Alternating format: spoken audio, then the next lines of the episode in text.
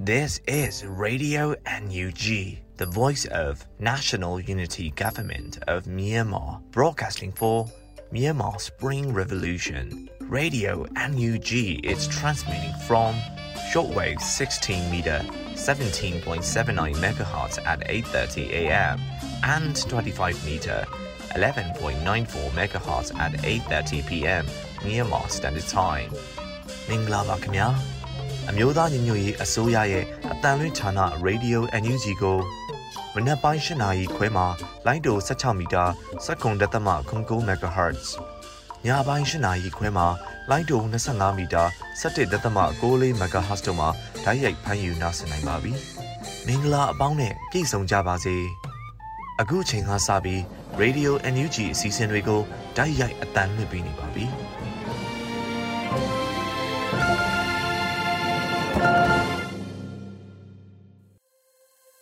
မင်္ဂလာနံနက်ခင်းပါရှင်ရေဒီယို NUG ကိုနားဆင်နေကြတဲ့မိဘပြည်သူများနဲ့မြန်မာနိုင်ငံသူနိုင်ငံသားအပေါင်းတဘာဝပေးဆရာနာရှင်ပေးတို့ကနေကင်ဝေးပြီးကိုစိတ်နှပါဘေးကင်းလုံခြုံကြပါစေလို့ရေဒီယို NUG အဖွဲ့သားများကဆုတောင်းမေတ္တာပို့သလိုက်ပါတယ်အခုချိန်ကစပြီးစက်တင်ဘာလ၁ရက်နေ့ရေဒီယို NUG ရဲ့မနက်ခင်းအစီအစဉ်တွေကိုစတင်ထုတ်လွှင့်ပေးတော့မှာဖြစ်ပါတယ်ပထမအဆုံးအနေနဲ့ကာကွယ်ရေးဝန်ကြီးဌာနရဲ့စီးရဲသတင်းအကျဉ်းချုပ်ကိုတော့မျိုးဦးအလင်ကမှဖတ်ကြားတင်ပြပေးမှာဖြစ်ပါတယ်ရှင်။ ကာကွယ်ဝင်ကြီးဌာနအမျိုးသားညီညွတ်ရေးဆိုရမှဩဂုတ်လ31ရက်နေ့2023ခုနှစ်ထုတ်ဝေတဲ့စီရေးသတင်းကျင်းချုပ်ကိုတင်ဆက်ပေးတော့မှာဖြစ်ပါတယ်။ရန်သူတပ်သား2ဦးသေဆုံးပြီးဒဏ်ရာရရှိသူရေးအတွက်ကိုစုံစမ်းနေစေဖြစ်ကြောင်းသတင်းရရှိပါရခင်ဗျာ။အာနာသိန်းအကြမ်းဖက်စစ်တပ်နဲ့တိုက်ပွဲဖြစ်ပွားမှုသတင်းတွေကိုတင်ဆက်ပေးကြပါမယ်။ချင်းပြည်နယ်မှာ ဩဂုတ်လ29ရက်နေ့ညနေ4:30မိနစ်အချိန်ခန့်မှာမင်းတပ်မြို့နယ်မင်းတပ်မြို့ရဲစခန်းကို CDF ရဲဘော်များကစနိုက်ပါနဲ့တွားရောက်ပစ်ခတ်ခဲ့ရာကင်းဆောင်နေတဲ့ရဲတအူးထိမှန်ခဲ့ကြောင်းသတင်းရရှိပါရခင်ဗျာမကွေးတိုင်းမှာဩဂုတ်လ29ရက်နေ့မနက်9:00နာရီချိန်ခန့်မှာမြိုင်မြို့နယ်မြိုင်မြို့အနောက်ပိုင်းမြို့ဝင်အထွက်ရန်သူတပ်နဲ့ရဲနယ်ပြူစောတိတပ်ဖွဲ့ဝင်များခြေကုပ်ယူထားတဲ့ကိုးဆောင်ဖုန်ကြီးကျောင်းနီးရှိစစ်စေးဂိတ်စခန်းကို မြိုင်မြို့နယ်ပြည်သူ့ကာကွယ်ရေးဖွဲ့မြိုင်ပကဖအဖွဲ့ဝင်များကပျောက်ကြားစနစ်နဲ့လျှက်တစ်ပြက်စီးနှင်းတိုက်ခိုက်ခဲ့ရာမြိုင်မြို့မှရဲစခန်းမှာဒူရဲအုပ်နယ်တဲ့ဇေမင်းထွန်းတည်ဆုံခဲ့ပါတယ်။ညနေ6:24မိနစ်အချိန်ခန့်မှာအဆိုပါနေရာကိုထပ်မံတိုက်ခိုက်ခဲ့ရာတက်ကြက်အစဉ်ရဲတပ်ဖွဲ့ဝင်တူတည်ဆုံခဲ့ကမိမိတပ်ဖွဲ့ဝင်များအထိကိမရှိ ပြန်လည်ဆုတ်ခွာသွားခဲ့ကြောင်းသတင်းရရှိပါရခင်ဗျာ။ ဆက်လက်ပြီးအာနာသိန်းကျန်းဖက်စစ်တပ်မှကျူးလွန်တဲ့ရာဇဝမှုတွေကိုတင်ဆက်ပေးကြပါမယ်။ကီယနီကရားပြည်နယ်မှာဩဂုတ်လ31ရက်နေ့မနက်9:00နာရီချိန်ခန့်မှာဒီမော့ဆိုမြို့နယ်ဒီမော့ဆိုအရှိချမ်းဒေါ်ဓမကြီးကျေးရွာအနီးသို့ရန်သူတပ်ကလေကြောင်းတိုက်ခိုက်မှုပြုလုပ်ခဲ့ရာစစ်ရှောင်းမျိုးသားတူတေဆုံးခဲ့ပြီးနှစ်ဦးထိခိုက်ဒဏ်ရာရရှိခဲ့ကြောင်းသတင်းရရှိပါရခင်ဗျာ။ ကချင်ပြည်နယ်မှာဩဂုတ်လ30ရက်နေ့မှာမိုးမောက်မြို့နယ်ဥထံရန်ကျွော်မှာဒေသခံရွာသားအမျိုးသား20ဦးခန့်ကိုရန်သူတပ်သားကဒဇာကန်အဖြစ်ဖမ်းဆီးထားခဲ့ပြီးအဆိုပါဒဇာကန်ရွာသားများထဲမှတဦးကိုလေပင်လှိတက်ဖြတ်ခဲ့ကတဦးကိုမိုင်းခွဲတက်ဖြတ်ခဲ့ကြောင်းသတင်းရရှိပါရခင်ဗျာဩဂုတ်လ29ရက်နေ့မနက်10:00နာရီချိန်ခန့်မှာမိုးမောက်မြို့နယ်တာပိန်မြကူတရာကျော် မြို့တစ်ကျွော်မှာຫນွေလန်းကျွော်သို့တွားရောက်ရာတလျှောက်မှာစစ်လက်နဲ့ရိတ်ခါများတင်ဆောင်လာတဲ့ရန်သူတပ်ရင်နှန်းကလက်နက်များနဲ့ပစ်ခတ်ခဲ့တဲ့အတွက်ကြောင့်စီဟက်ကျွော်မှာကလေးငယ်တူထိခိုက်ဒဏ်ရာရရှိခဲ့ပြီးနေအိမ်ဆယ်လုံးထက်မနည်းကြီးထိမှန်ခဲ့ကြောင်းသတင်းရရှိပါရခင်ဗျာရှမ်းပြည်နယ်မှာဩဂုတ်လ30ရက်နေ့မနေ့7:00နာရီခန့်မှာကုတ်ခိုင်မြို့နယ် နန်းဖက်ကကျေးရွာရှိခလာယာ123နန်းဖက်ကရာမခတက်ကို TNL တပ်ဖွဲ့ကထိုးစစ်ဆင်တိုက်ခိုက်ခဲ့ရာရန်သူတပ်သားများကကျေးရွာအတွင်းသို့လက်နက်ကြီးများနဲ့ပြန်လည်ပစ်ခတ်ခဲ့တဲ့အတွက်ကြောင့်လက်နက်ကြီးထိမှန်ခဲ့ကပြည်သူ၃ဦးဒဏ်ရာပြင်းထန်စွာရရှိခဲ့ပြီး14နှစ်အရွယ်မိန်းကလေးငယ်တူတေဆုံးသွားခဲ့ကြောင်းသတင်းရရှိပါရခင်ဗျာပဲခူးတိုင်းမှာဩဂုတ်လ29ရက်နေ့မနေ့7:00နာရီခန့်မှာရွှေကျင်မြို့နယ်ပြည်ရည်ကြီးကျွော်အုပ်စုတရားပိုင်းရက်ွက်သေးသို့ ခလာရ264ပိန်းစလုတ်တပခကလက်နက်ကြီးနဲ့၃ချိန်ပစ်ခတ်ခဲ့တဲ့အတွက်ကြောင့်9နှစ်အရွယ်မတ်သွန်းရတီဖူးနဲ့မိခင်ဖြစ်သူဒေါ်ဆန်းမျိုးဦးတို့ပူကောင်ခါမြမှာလက်နက်ကြီးကြီးစားများထိမှန်တရားရရှိခဲ့ပြီးနောက်တိတ်ဆုံးခဲ့ကအသက်45နှစ်အရွယ်ဦးကျော်မိုးနိုင်ဒေါ်မိုးမိုးထင်းနဲ့ထူးဝေဖြိုးတို့ခန္ဓာကိုယ်နှံ့လက်နက်ကြီးကြီးစားထိမှန်တရားများရရှိခဲ့ပြီးနေငါးလုံးပျက်စီးခဲ့ကြောင်းသတင်းရရှိပါရခင်ဗျာ ယခုတင်ဆက်သွားတဲ့သတင်းတွေကိုမြေပြင်သတင်းတာဝန်ခံများနဲ့သတင်းဌာနတွေမှာဖော်ပြလာတဲ့အချက်အလက်တွေပေါ်အခြေခံပြုစုထားခြင်းဖြစ်ပါတယ်ကျွန်တော်ကတော့မျိုးဦးလင်ပါပါ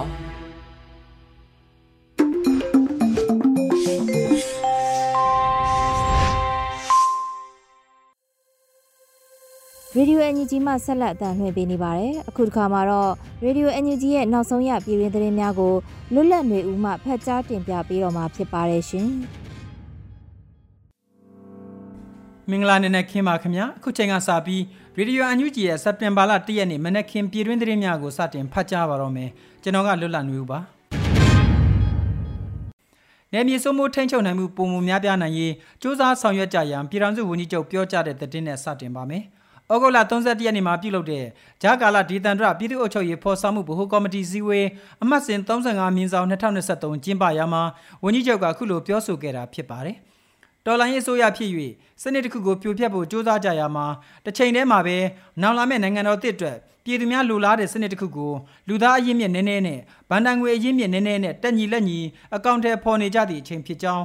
ဂျာကာလာအုပ်ချုပ်ရေးဖော်ဆောင်နေကြသည့်မြို့နယ်များတွင်ဒေသအတွင်းမှကောက်ခံ၍ရရှိသည့်အခွန်ငွေပေါ်မူတည်ပြီးလက်ရှိအချိန်ထိစစ်ရေးနှင့်ဝန်ဆောင်မှုပေးသည့်ကဏ္ဍများအတွက်အထူးသုံးစွဲနေကြသည်ဖြစ်ကြောင်းနယ်မြေတာဝန်ရှိသူများနှင့်ဝန်ကြီးဌာနတာဝန်ရှိသူများပေါင်းစုပြီးနယ်မြေစိုးမိုးထိန်းချုပ်နိုင်မှုပုံမများပြားနိုင်ရေးကိုလည်းစ조사ဆောင်ရွက်ကြရန်ဝန်ကြီးချုပ်ကဆိုပါတယ်။ အစည်းအဝေးကိုပြည်ထောင်စုဝန်ကြီးချုပ်မန်းဝင်းခိုင်သားမှဦးဆောင်ကပြည်ထောင်စုဝန်ကြီးများဒုတိယဝန်ကြီးများအမြဲတမ်းတွင်းဝန်များတွဲဘက်အမြဲတမ်းတွင်းဝန်များဌာနဆိုင်ရာများမှတာဝန်ရှိသူများတက်ရောက်ခဲ့ကြတယ်လို့သတင်းရရှိပါတယ်ခင်ဗျာ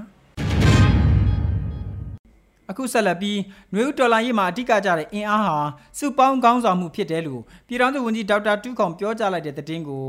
ထပ်မံတင်ပြပါဦးမယ်။ နွေဦးဒေါ်လာရေးမှာအဓိကကြတဲ့အင်အားဟာစုပေါင်းကောင်းဆောင်မှုဖြစ်တယ်လို့ပြည်ထောင်စုဝန်ကြီးဒေါက်တာတူးခေါင်ကပြောပါတယ်။ဩဂုတ်လ31ရက်နေ့တယန်စာတနဲ့တဘာဝပတ်ဝန်းကျင်ထိန်းသိမ်းရေးဝန်ကြီးဌာနတည်င်းလွှာအတွဲနှစ်အမှတ်9မှာပြည်ထောင်စုဝန်ကြီးစကားသံမှာအခုလိုပြောဆိုထားပါတယ်။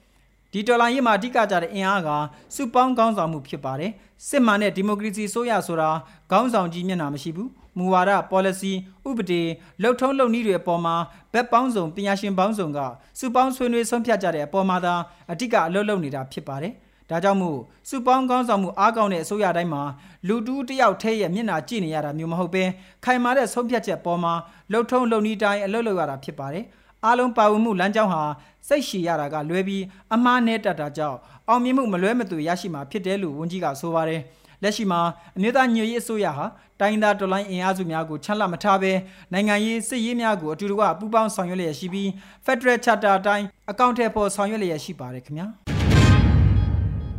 ဂျာကာလာဒေသန္တရပြည်သူ့အုပ်ချုပ်ရေးဖော်ဆောင်မှုဗဟိုကော်မတီနဲ့ခရိုင်ပြည်သူ့အုပ်ချုပ်ရေးအဖွဲ့များတွေ့ဆုံဆွေးနွေးပွဲကိုပြည်ထောင်စုဝန်ကြီးဦးစိုးသူရထွန်းတက်ရောက်တဲ့အကြောင်းကိုတင်ပြပါဦးမယ်။ပြည်ထရေးနဲ့လူဝင်မှုကြီးကြပ်ရေးဝန်ကြီးဌာနနဲ့ခရိုင်ပြည်သူ့အုပ်ချုပ်ရေးဖွဲ့များတွေ့ဆုံဆွေးနွေးမှုအစည်းအဝေးအမှတ်စဉ်ခုနှစ်မြင်းဆောင်2023ကိုဩဂုတ်လ31ရက်နေ့မှာကျင်းပခဲ့ကြပြီးဂျာကာလာဒေသန္တရပြည်သူ့အုပ်ချုပ်ရေးဖော်ဆောင်မှုဗဟိုကော်မတီအဖွဲ့ဝင်လျှက်စစ်နဲ့စွမ်းရည်ဝန်ကြီးဌာနပြည်ထောင်စုဝန်ကြီးဦးစိုးသူရထွန်းတက်ရောက်ကာအဖွဲ့မှာစကားပြောကြားခဲ့ပါတယ် ဆက်လက်ပြီးဝန်ကြီးဌာနများမှဌာနနဲ့သက်ဆိုင်သည့်လုပ်ငန်းများအားမှာကြားဆောင်ရွက်ခဲ့ပြီးတက်ရောက်လာသောခရိုင်ပြည်သူ့အုပ်ချုပ်ရေးဖွဲ့များမှမြေပြင်ကြုံတွေ့နေရသည့်ကိစ္စရပ်များလိုအပ်ချက်များအခက်အခဲများကိုမေးမြန်းဆွေးနွေးကြကာဝန်ကြီးဌာန၏တာဝန်ရှိသူများမှပြန်လည်ဖြေကြားဆောင်ရွက်ခဲ့ကြပြီးနောက်ဂျာကာလာဒေသန္တရပြည်သူ့အုပ်ချုပ်ရေးဖော်ဆောင်မှုဗဟိုကော်မတီအထွေထွေတွင်းရေးမှု1ပြည်ထောင်ရေးနဲ့လူဝင်မှုကြီးကြပ်ရေးဝန်ကြီးဌာနဒုတိယဝန်ကြီးခူးတဲဘူးမှညီကုန်းချုပ်စကားပြောကြားခဲ့ပါတယ်။ အဆိုပါစည်းဝေးသို့ပြည်ထောင်စုဝန်ကြီးဒုတိယဝန်ကြီးအမြဲတမ်းတွင်းဝန်များတွဲဘက်အမြဲတမ်းတွင်းဝန်များဌာနဆိုင်ရာများမှတာဝန်ရှိသူများခရိုင်ပြည်သူ့အုပ်ချုပ်ရေးဖွဲ့များမှတက်ရောက်ခဲ့ကြတယ်လို့သိရပါတယ်ခင်ဗျာဆက်လက်ပြီးစစ်တပ်ကအင်အားပြုံးတိမှုအနေနဲ့ပြုံးငါပြုံးနဲ့ရင်ဆိုင်နေရကြောင်းကိုတင်ပြပါဦးမယ်စစ်တပ်ကအင်အားပြုံးတိမှုအနေနဲ့ပြုံးငါပြုံးနဲ့ရင်ဆိုင်နေရတယ်လို့ကာကွယ်ရေးဝန်ကြီးဌာနဒုတိယအတွင်းဝန်ဦးမမောင်ဆွေကတွေ့ဆုံမေးမြန်းခန်းတစ်ခုမှာပြောပါတယ် စစ်တပ်ကအင်အားပြုံးတိမှုအနေနဲ့ဘာရှိလဲဆိုတော့ပြုံးငါပြုံးတွေကအရှိတန်းမှာကြတာရှိတယ်။ဒဏ်ရာရတာရှိမယ်။ထွက်ပြေးတာရှိတယ်။အင်အားပြုံးတိမှုတွေကအင်မတန်များနေတဲ့အတွက်အခုနှစ်နှစ်ခွဲကျော်ကာလမှာဆိုရင်စစ်တပ်အင်အားပြုံးတိမှုက3000ခွဲကျော်ကျော်ရှိနေတယ်လို့ကျွန်တော်တို့စီးရင်စရာတွေကသိထားရပါတယ်။စစ်တပ်ကအင်အားပြုံးတိမှုများလာတယ်။အသစ်စုဆောင်းလို့လည်းအင်မတန်ခက်ခဲရှိပါတယ်လို့ဆိုပါတယ်။လက်ရှိမှာစစ်ကောင်စီတပ်များပြည်သူ့ဘက်သို့ကူးပြောင်းမှုတောင်းကျော်ရှိပြီး နှစ်နှစ်တာကာလတွင်တိုက်ပွဲမှာတေဆုံးသူဦးရေ3000ကျော်ရှိတယ်လို့သိရပါတယ်ခင်ဗျာအခုဆက်လက်ပြီးຫນွေဥဖြွရွေးရေးပံဘန်းကောင်ဖွေရန်စည်ရင်ပေးထားသူစုစုပေါင်း3000အထိရှိလာပြီဆိုတဲ့အကြောင်းကိုတင်ပြပါဦးမယ်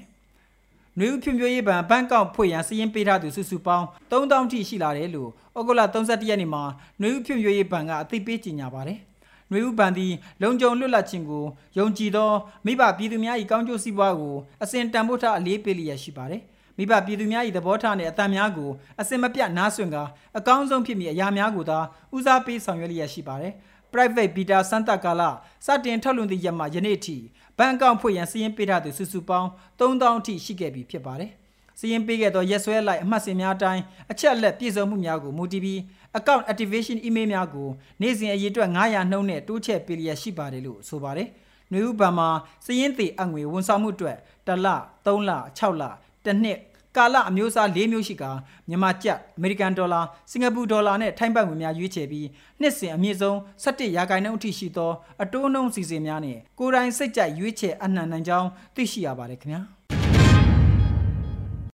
ဆက်လက်ပြီးဒီမော့ဆိုမြို့နယ်ဒေသခံများနေထိုင်ရာကြေးရွာတရွာနဲ့အရသာစစ်ဆောင်များနေထိုင်ရာနေရာစစ်ဆောင်စခန်းတစ်ခုတို့အားစစ်ကောင်စီကတိုက်လေယာဉ်များနဲ့ဘုံကျဲတိုက်ခိုက်ရာမှာအရသာတူတေဆုံး၍နှစ်ဦးမှာထိခိုက်ဒဏ်ရာများရရှိခဲ့တဲ့အကြောင်းကိုတင်ပြပါဦးမယ်။ကရင်ပြည်နယ်ဒီမော့ဆိုမြို့နယ်တွင်းရှိဒေသခံများနေထိုင်ရာကြေးရွာတရွာနဲ့အရသာစစ်ရှောင်များနေထိုင်ရာနေရာစစ်ရှောင်စခန်းတစ်ခုတို့အားစစ်ကောင်စီမှဩဂုတ်လ31ရက်နေ့နက်နက်ပိုင်းအချိန်မှာတိုက်လေယာဉ်များနဲ့ဘုံကျဲတိုက်ခိုက်မှုများလှုပ်ဆောင်ခဲ့တယ်လို့ KNDF ကဆိုပါတယ်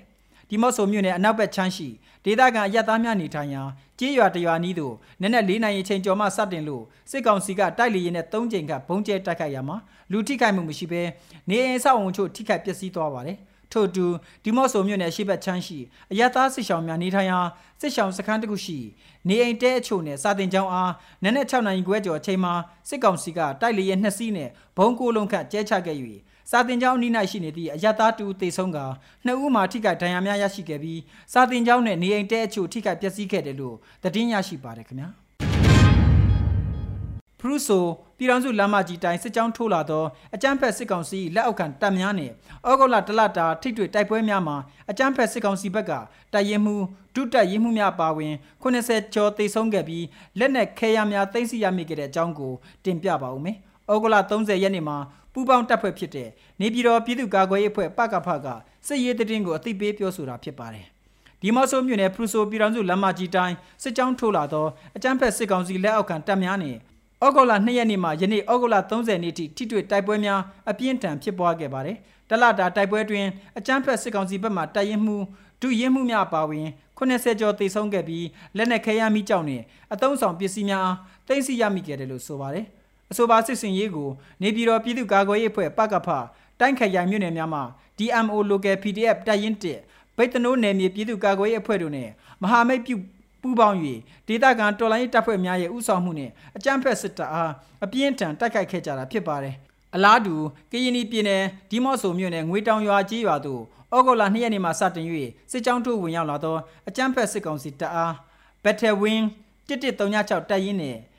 T2S2 နီးပညာထွက်လို့ရေးအဖွဲ့နဲ့မြေပြင်ပူးပေါင်းတပ်ဖွဲ့များနဲ့အတူတိုက်ခိုက်ခဲ့ကြပါတယ်။အဆိုပါတိုက်ခိုက်မှုတွင်ဩဂုတ်လ3ရက်နေ့မှ25ရက်နေ့အတွင်း drone စစ်စင်ရေးအကြိမ်20ဘုံဒီ54လုံးပြုတ်လုခဲ့ရာအကြမ်းဖက်စစ်ကောင်စီတပ်မှအရာရှိ2ဦးအပါအဝင်30ကျော်သေဆုံးခဲ့ပြီးလက်နက်ခဲယမ်းအမြောက်များကိုလည်းသိမ်းဆည်းရမိခဲ့တယ်လို့သိရပါတယ်ခင်ဗျာ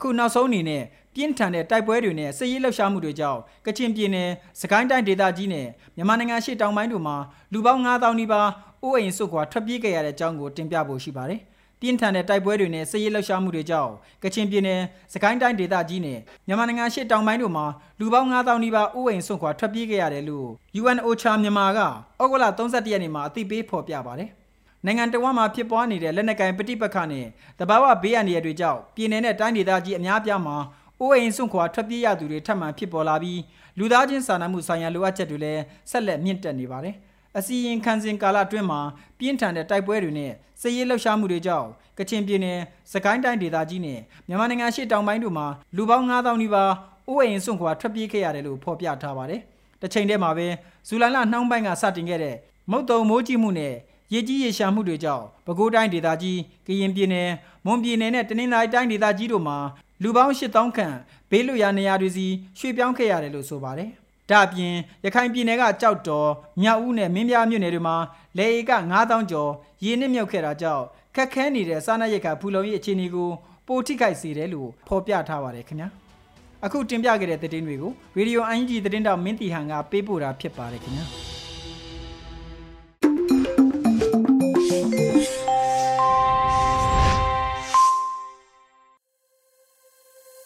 ရေဒီယိုအန်ယူဂျီကိုနားဆင်နေကြတဲ့မိဘပြည်သူများရှင်အခုတစ်ခါမှာတော့တေးရေးတေးဆိုဒီຫນွေဦးရဲ့မဆိုင်တလို့နေတဲ့မင်းတို့တွေအတွက်တခြင်းလို့အမည်ရတဲ့တော်လန်ရေးတေးဂီတာကိုနားဆင်ရမှာဖြစ်ပါတယ်ရှင်။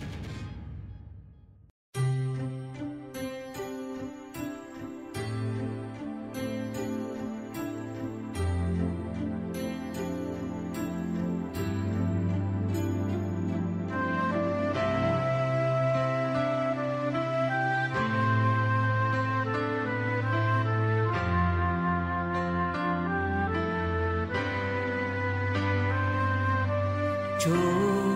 အိမ်တွေလူမဆုံးတော့ဘူးချိုးကလေးတွေ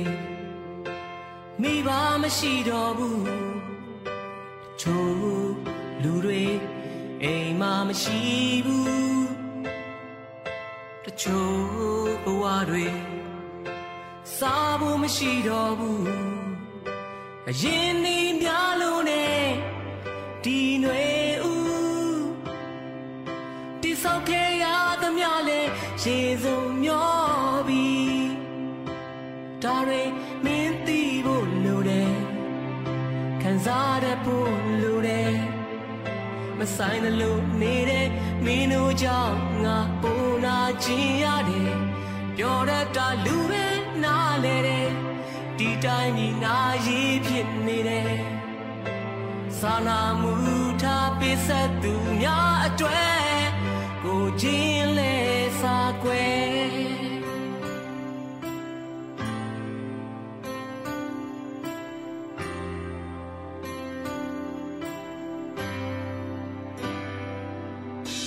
ချိုးအမေတွေမပြောနိုင်တော့ဘူးတချို့ဘဝတွေမျောလင်းချက်မရှိတော့ဘူးချို့လူတွေပြန် မလာတော့ဘူးချို့ဘဝတွေဘာမှမရှိတော့ဘူးအရင်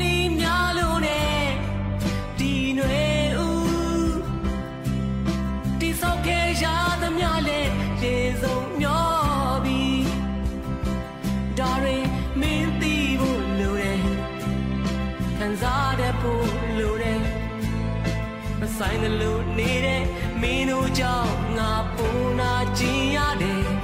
ပြောတတ်တာလူပဲနားလေတယ်ဒီတိုင်းကြီးနာရေးဖြစ်နေတယ်စာနာမှုထားပေးဆက်သူများအတွက်ဒါတွေမင်းသိဖို့လိုတယ်ခံစားရဖို့လိုတယ်မဆိုင်လို့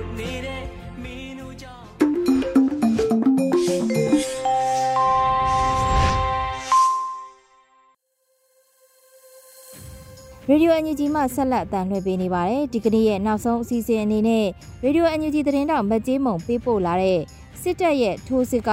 ရွှေဘိုခရိုင်ပေါ်ဆန်းစိုက်ပျိုးထုတ်လုပ်မှုကိုထိခိုက်စေလာလို့အမည်ရတဲ့စိုက်ပျိုးစည်းဝါးတောင်သူစကားသံအစီအစဉ်ကိုຫນွေဦးမိုင်ကတင်ဆက်ပေးထားတာကိုနားဆင်ရမှာဖြစ်ပါတယ်ရှင်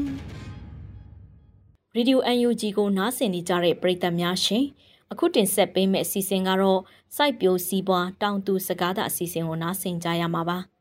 စစ်တပ်ရဲ့ထိုးစစ်တွေကရွှေဘိုခရိုင်ရဲ့ပေါ်ဆန်းစိုက်ပျိုးထုတ်လုပ်မှုကိုထိခိုက်လာစေပြီးတောင်သူတွေစပါးထားရခဲ့လို့ရတဲ့တဲ့ဈေးကိုမရပဲစိုက်ပျိုးထုတ်လုပ်မှုကိုထိခိုက်လာစေပါတယ်ဒီသတင်းကိုမှကျင်းမုံကပေးဖို့ထားပါတယ် စကိုင်းတိုင်းအတွင်းစစ်တပ်ကထိုးဆက်ဆင်တိုက်ခိုက်နေတဲ့အတွက်ရွှေဘိုပေါ်ဆန်းစပားကိုစနစ်တကျပြုတ်စုပြိုးထောင်စိုက်ပြိုးနိုင်တာမရှိတော့တဲ့အပြင်ထွက်လာတဲ့စပားတွေကိုလည်းဈေးကောင်းရခြင်းကိုစောင့်ရောင်းဖို့ကမိရှုဖြက်စီးခံရမှာလူရဲ့ယူငင်ခိုင်ရမှာကိုစိုးရင်ကြရတဲ့အတွက်စပားပေါ်ချိန်မှာပဲရရဈေးနဲ့ရောင်းချကြရတာဖြစ်ပါတယ်ရွှေဘိုပေါ်ဆန်းကမြန်မာနိုင်ငံရဲ့ထိတ်တန်းစပားဖြစ်တဲ့အတွက်ဈေးကောင်းဆောင်မရောက်နိုင်တဲ့စပားတွေကိုပေါ်ချိန်မှာပဲ အလုံးအရင်နဲ့လာရောက်ဝယ်ယူကြတဲ့အတွက်ဒေသတွေမှာစပားပြက်လက်တဲ့အထိဖြစ်နေတယ်လို့ရွှေဘိုမျိုးကပေါ်ဆန်းစပားစိုက်ပျိုးသူတောင်သူတို့ကအခုလိုပြောပါတယ်။ဒီနှစ်အတွင်းမှာပေါ့ပြီးခဲ့တဲ့စပားပေါ်ရရာဒီမှာတော်တော်များများလူတွေကပေါ်ဆန်းပေါ်ရင်ဆယ်နှစ်သိန်းခွဲလောက်စားတယ်နဲ့တူတယ်။အဲ့မှာ ကျောင်းကျောင်းကျောင်းရှူဒီတာတွေကဟိုမဆိုင်လီဝါဟာတော့နည်းနည်းပေါ်ပြီးတဲ့ကဒါပေမဲ့မထားရတဲ့လူကများတော့ရရလေးနဲ့ညာတာလေရရလေးနဲ့ရောင်းရတာဒူနည်းနည်းတရှူနေလှမ်းတဲ့ဒီက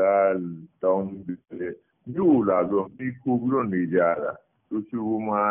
နေကြတယ်တခြားပေါ့ဒီရနာတန်ပြလို့မနေတဲ့ခါကျတော့ တောင်းလူကဥစဘာကုဆံကိုထားရတာစားနေတဲ့အိမ်မှာဒါထားရနေရပြီးပြီးပြီးဆိုမှကို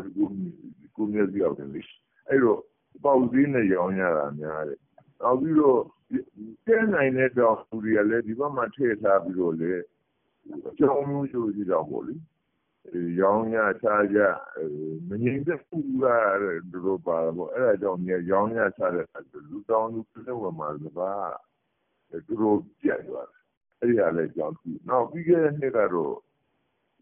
လက်ကြီးကမှရန်ကုန်ကနေလို့အဲတော့ဟိုချူမလာဘူးစဘာဝယ်တဲ့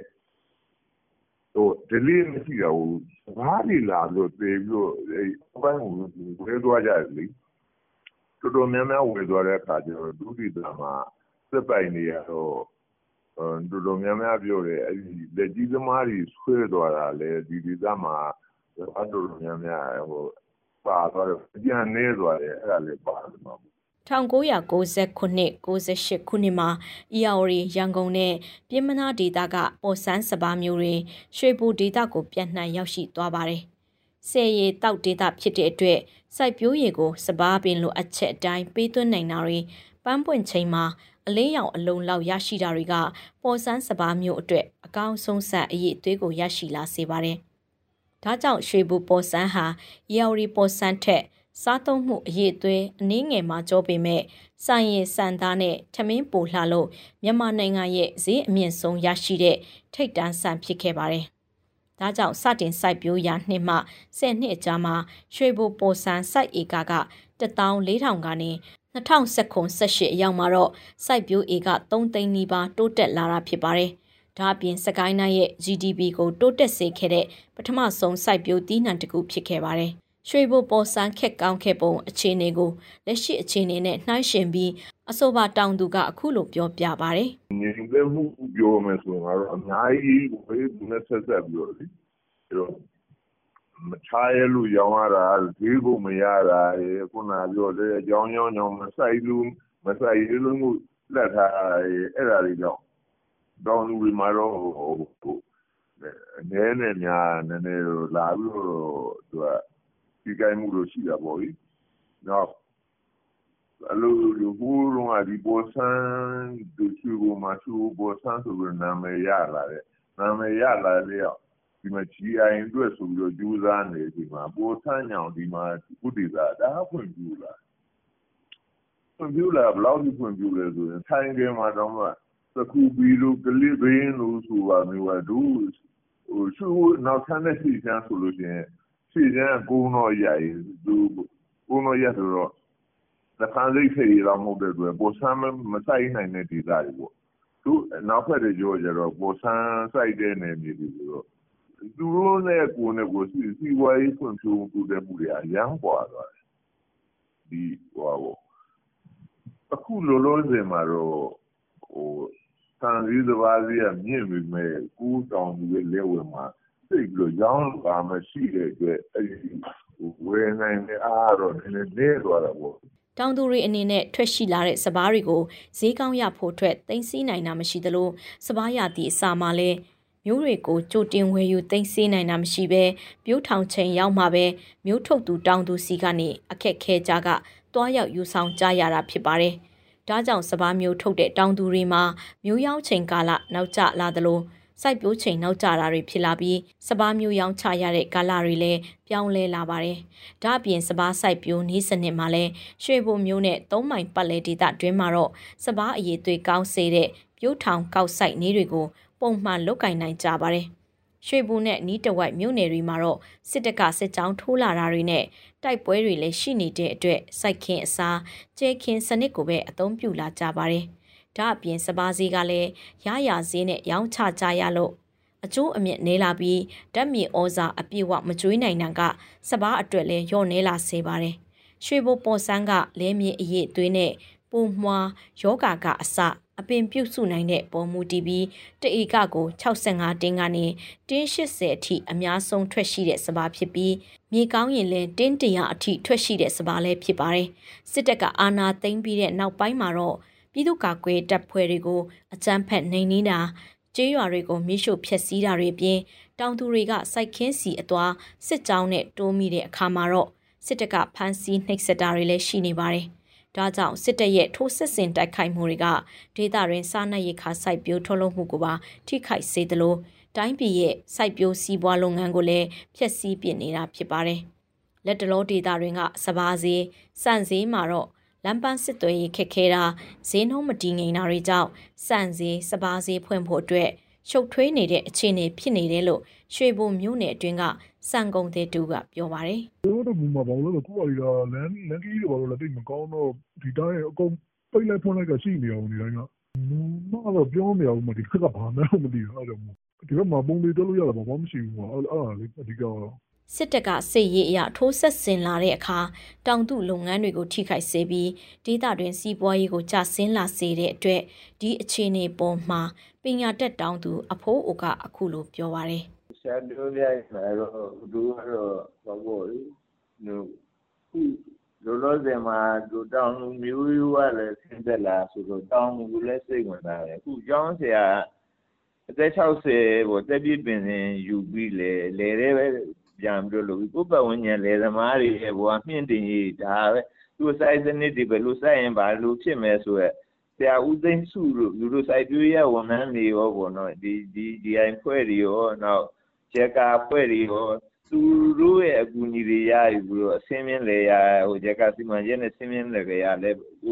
ဒီရွာမှာလဲဧက300ပေါ်ထုတ်ပေးခဲ့ပြီနော်အဲ့လို သူကတောင်လုပ်ငန်းကိုဒီဇိုင်းမမလုပ်တယ်မအေးချမ်းတဲ့အခါကျတော့နည်းဟိုပေါ့လိုရပြူရတာဟိုဒီချက်မှာတရားရခိုင်နှုန်းစိတ်စိတ်ဆိုင်ပြီးမလုံနိုင်ဘူးပေါ့တကယ်တော့တို့ဟိုမသေးသေးခင်ကတော့ကိုယ်ပတ်ဝန်းကျင်ကလူတွေကိုလေဟိုအကျိုးရှိတဲ့ဟာတွေကိုကိုယ့်ရဲ့လေးလာမှုကိုယ့်ရဲ့ဟိုဘာပေါ့အတိ ဒါမှမဟုတ်ကိုယ်ပတ်ဝန်းကျင်မှာရှိတဲ့မိတ်ဆွေတွေရဲ့အတိတွေကိုဒေသတောင်သူတွေကိုရွာတောင်သူတွေကိုမျှဝေခြင်းနဲ့ခုကကြတော့ဟိုတရားခဏလုံးလှုပ်ရှားနေရတာတော့အဲ့ရတခုတော့ဒီမကောင်းမြမမုံရင်အဖိုးတန်တဘာဝအရင်းမြစ်ဖြစ်တဲ့ရွှေဘိုပေါ်စန်းဟာစိုက်ပျိုးရေးပညာရှင်တွေရဲ့မွေးထုတ်မှုနဲ့အတူအညာတောင်သူရဲ့ထက်ဆင့်ကြိုးပမ်းမှုကြောင့်တိုင်းပြည်ရဲ့စီးပွားကိုအထောက်ပံ့ပေးလာနိုင်တာဖြစ်ပါတယ်။ ပေါ်ဆန်းစပါစုစုပေါင်းစိုက်ပျိုးထုတ်လုပ်မှုတန်ဖိုးကအမေရိကန်ဒေါ်လာတန်း800ကျော်ခန့်ရှိပြီးတီးနိုင်ရဲ့မူလအရေးအသွေးရပြည်ပကိုလည်းတင်ပို့ခဲ့ပြီးဈေးကွက်ချဲ့ထွန်နိုင်တဲ့အရေးအသွေးရှိပေမဲ့စစ်တပ်ရဲ့အကြမ်းဖက်စစ်ပွဲတွေကဒေသတွင်းစားနပ်ရိက္ခာဖူလုံမှုကိုထိခိုက်စေသလိုစိုက်ပျိုးရေးနိုင်ငံတစ်ခုရဲ့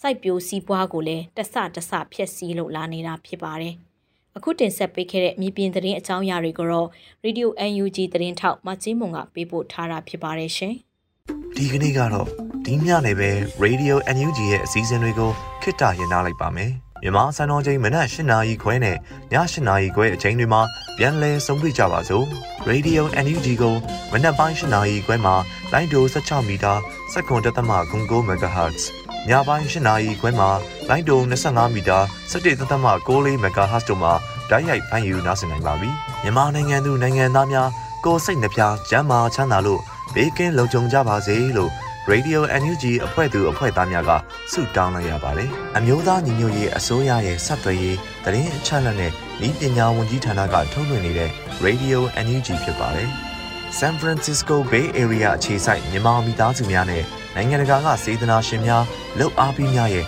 Radio NUG ဖြစ်ပါတယ်။အရေးတော်ပုံအောင်ရမည်